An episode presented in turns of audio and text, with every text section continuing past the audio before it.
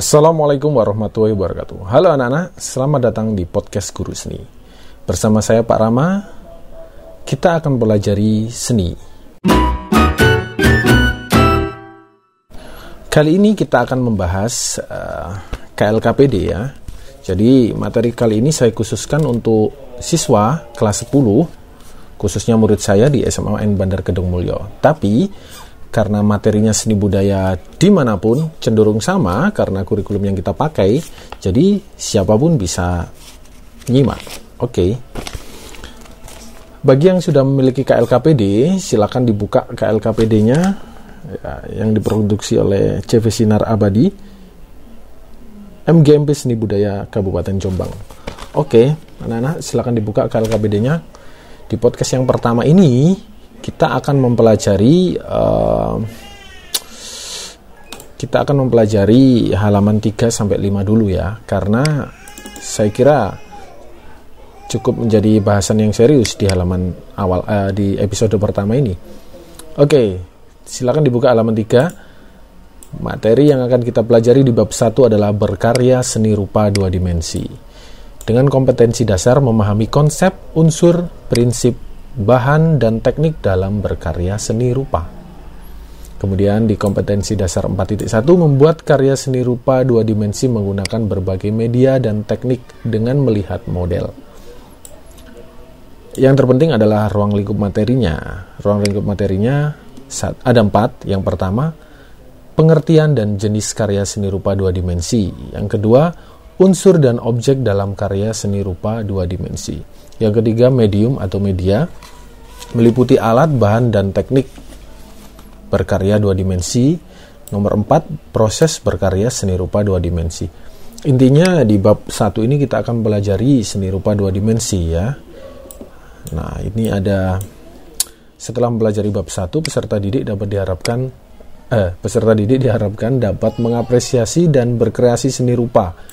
Ketika sudah tatap muka, ada 15 15 indikator ya yang akan kita capai tapi karena ini masih dalam kondisi daring oke okay, kita kita klasifikasikan intinya ada dua kita mengapresiasi dan mengekspresikan seni rupa oke okay, kita baca yang uh, paragraf bawah.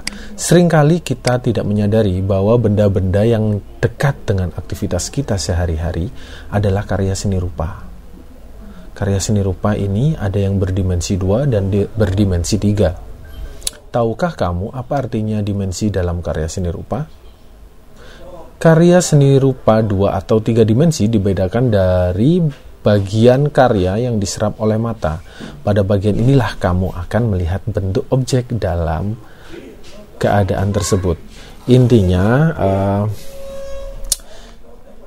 seni rupa dua dimensi dan tiga dimensi itu perbedaannya adalah visualnya. Ketika seni rupa dua dimensi, uh, kita lihat, jadi intinya ketika kita melihat seni rupa dua dimensi, hanya bisa kita lihat dari satu arah. Sedangkan Seni rupa tiga dimensi dapat dilihat dari segala arah atau dari beberapa arah. Jadi sudah saya terangkan di video-video saya sebelumnya. Uh, Oke, okay. cobalah amati benda di sekitar kamu, maka kamu dapat membedakan benda yang berdimensi dua atau berdimensi tiga.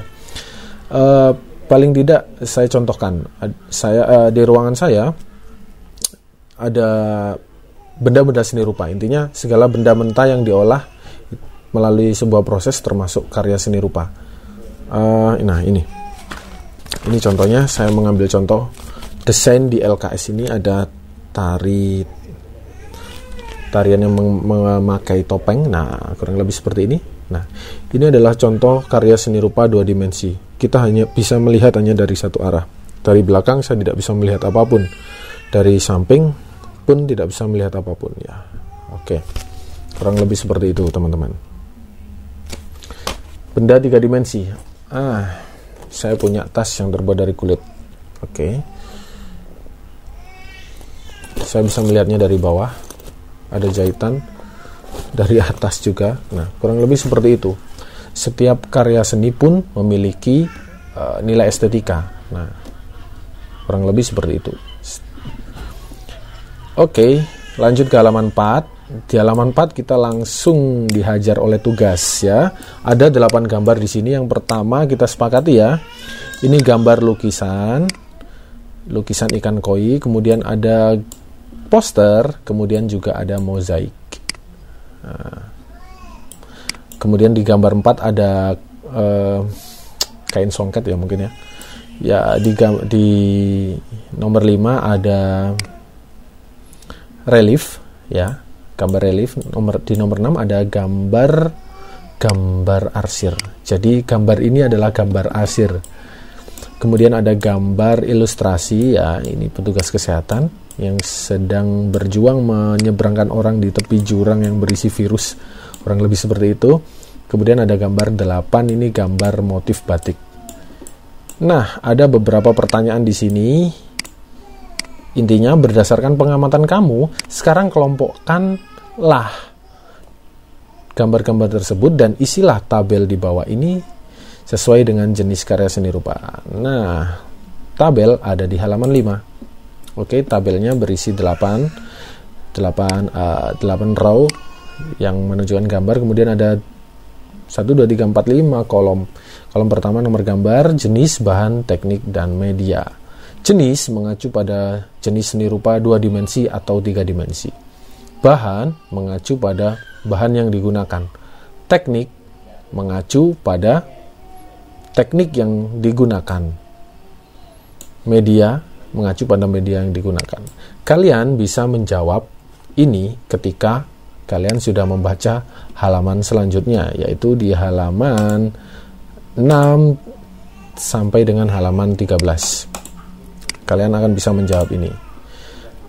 Oke, gambar satu. Kita analisa identifikasi jenisnya. Oke, gambar 1 sampai 8 kita sepakati jenis karya seni rupa dua dimensi. Jika kita amati jenis dalam uh, dalam dalam bentuk seninya, seni murni atau terapan, gambar nomor satu adalah seni murni. Gambar nomor dua adalah seni terapan karena memiliki nilai fungsi, yaitu sebagai poster atau himbauan. Kemudian gambar nomor tiga seni murni, gambar nomor empat seni terapan, nomor lima apa kalian menyebutnya? Ini seni murni juga ya. Bisa juga dikatakan seni terapan ketika diaplikasikan ke kursi ya. Ini gambar relief. Oke, gambar nomor 6, gambar arsiran ini seni murni. Oke, gambar ilustrasi juga seni murni juga.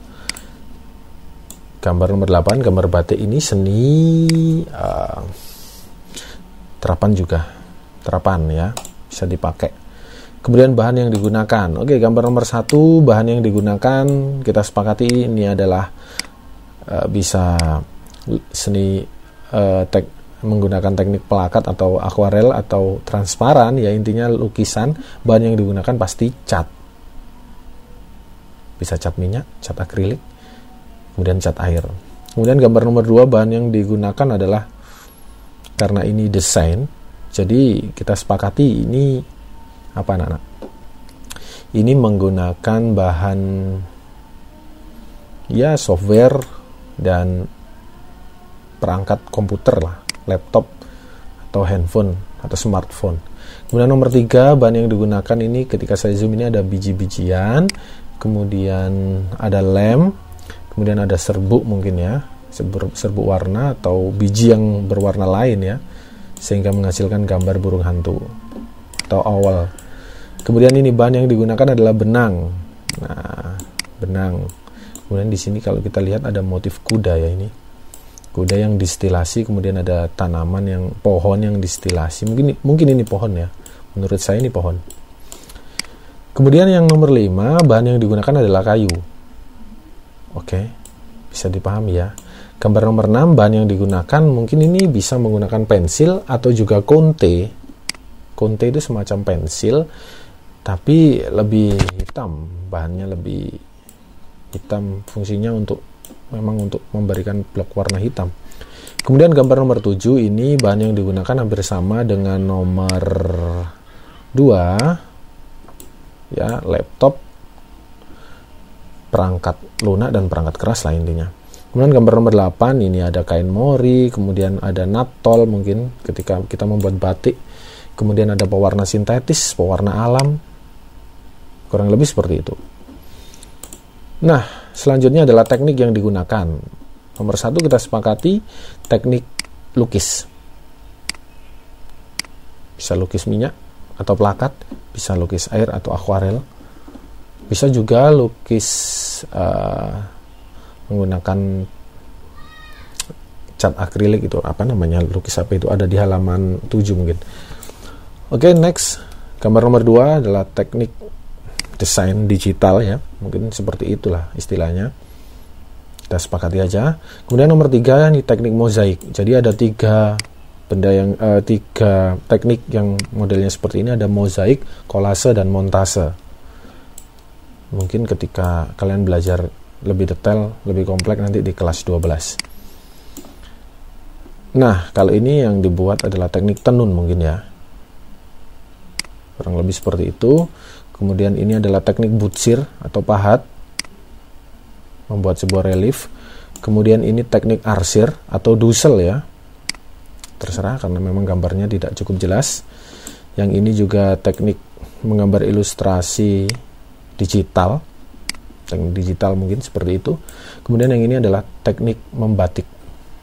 Nah, oke okay, sudah terisi kolom ketiga untuk identifikasinya. Sekarang kolom keempat medianya. Nomor satu, kalau seni lukis pasti di kanvas. Nomor dua, medianya di uh, software atau laptop lah, atau perangkat digital smartphone juga bisa membuat poster. Kemudian di gambar 3 medianya kalau saya lihat kalau kita zoom ini ada semacam print nama. Mungkin medianya ini ya kertas dan ya kertas yang dikasih lem karena kolase uh, sorry mozaik seperti itu yang sederhana yang kita lihat di sini. Kemudian di sini medianya ya bisa kain tenun. Medianya bisa kain tenun kemudian alat tenun. Uh, alat tenun mungkin alatnya ya. Benang. Ya mungkin seperti itu. Kemudian nomor 5 medianya. Media yang digunakan kayu juga. Nomor 6 bisa kertas uh, bisa kanvas. Tapi kalau arsir kita lihat arsir ya di sini ya karena unsur yang menonjol gelap terangnya itu dari kertas mungkin ya. Kita sepakati biar beda bervariasi lah jawabannya. Kemudian nomor 7 medianya juga digital ya. Cukup jelas. Nomor 8 medianya kain mori bisa kain katun juga. Kadang juga kita bisa membatik di kertas menggunakan cat-cat yang sederhana. Oke ada pertanyaan selanjutnya Diskusikanlah dengan teman-temanmu dan catatlah hasil diskusimu tentang satu unsur yang menonjol, dua objek yang tampak pada gambar 1 sampai 8. Kemudian yang ketiga adalah objek yang menarik. Oke, kita bahas yang nomor satu dulu. Unsur yang menonjol. Unsur yang menonjol pada gambar ikan koi ini. Unsur yang dimaksud unsur ada di halaman Hmm, ada di halaman 5 sampai dengan halaman 6 unsur seni rupa. Unsur seni rupa masih ingat kan? Ada di video-video saya sebelumnya. Jadi kalau di sini unsur yang menonjol adalah uh, sebenarnya ini warna yang menonjol karena ini gambar ikan koi ya. Oke, kita sepakati aja. Yang di sini adalah bentuk bentuk ikan. Unsur bentuk lebih menonjol di sini. Yang gambar nomor 2 adalah bentuk juga, bentuk paru-paru. Juga kita melihat bentuk uh, ilustrasi virus COVID-19. Nah, ini unsur yang menonjol juga bentuk dan juga mungkin titik, karena titik-titik itu berupa biji-bijian.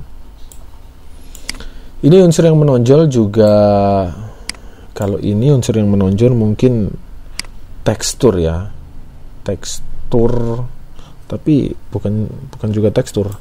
Kalau di relief di gambar nomor 5 unsur yang menonjol memang tekstur dan bentuknya kalau yang nomor 4 ini mungkin gelap terang juga bisa tapi lebih cenderung ke bidang ya dan garis karena ini ada garis dan ada beberapa gambar. Oke, lanjut ke nomor 6. Ini paling menonjol adalah bentuk dan gelap terang ya, karena kita bisa melihat sebuah teko dan melihat sebuah cangkir dan botol mungkin di sini. Kemudian gambar nomor 7 bentuk sih juga, bentuk ada garis juga, garis lengkung di sini, ada gelap terang ini jurang. Jurang yang bergambar uh, ilustrasi virus Kemudian gambar nomor 8, batik unsur yang menonjol adalah bentuk dan titik. Nah, ini titik.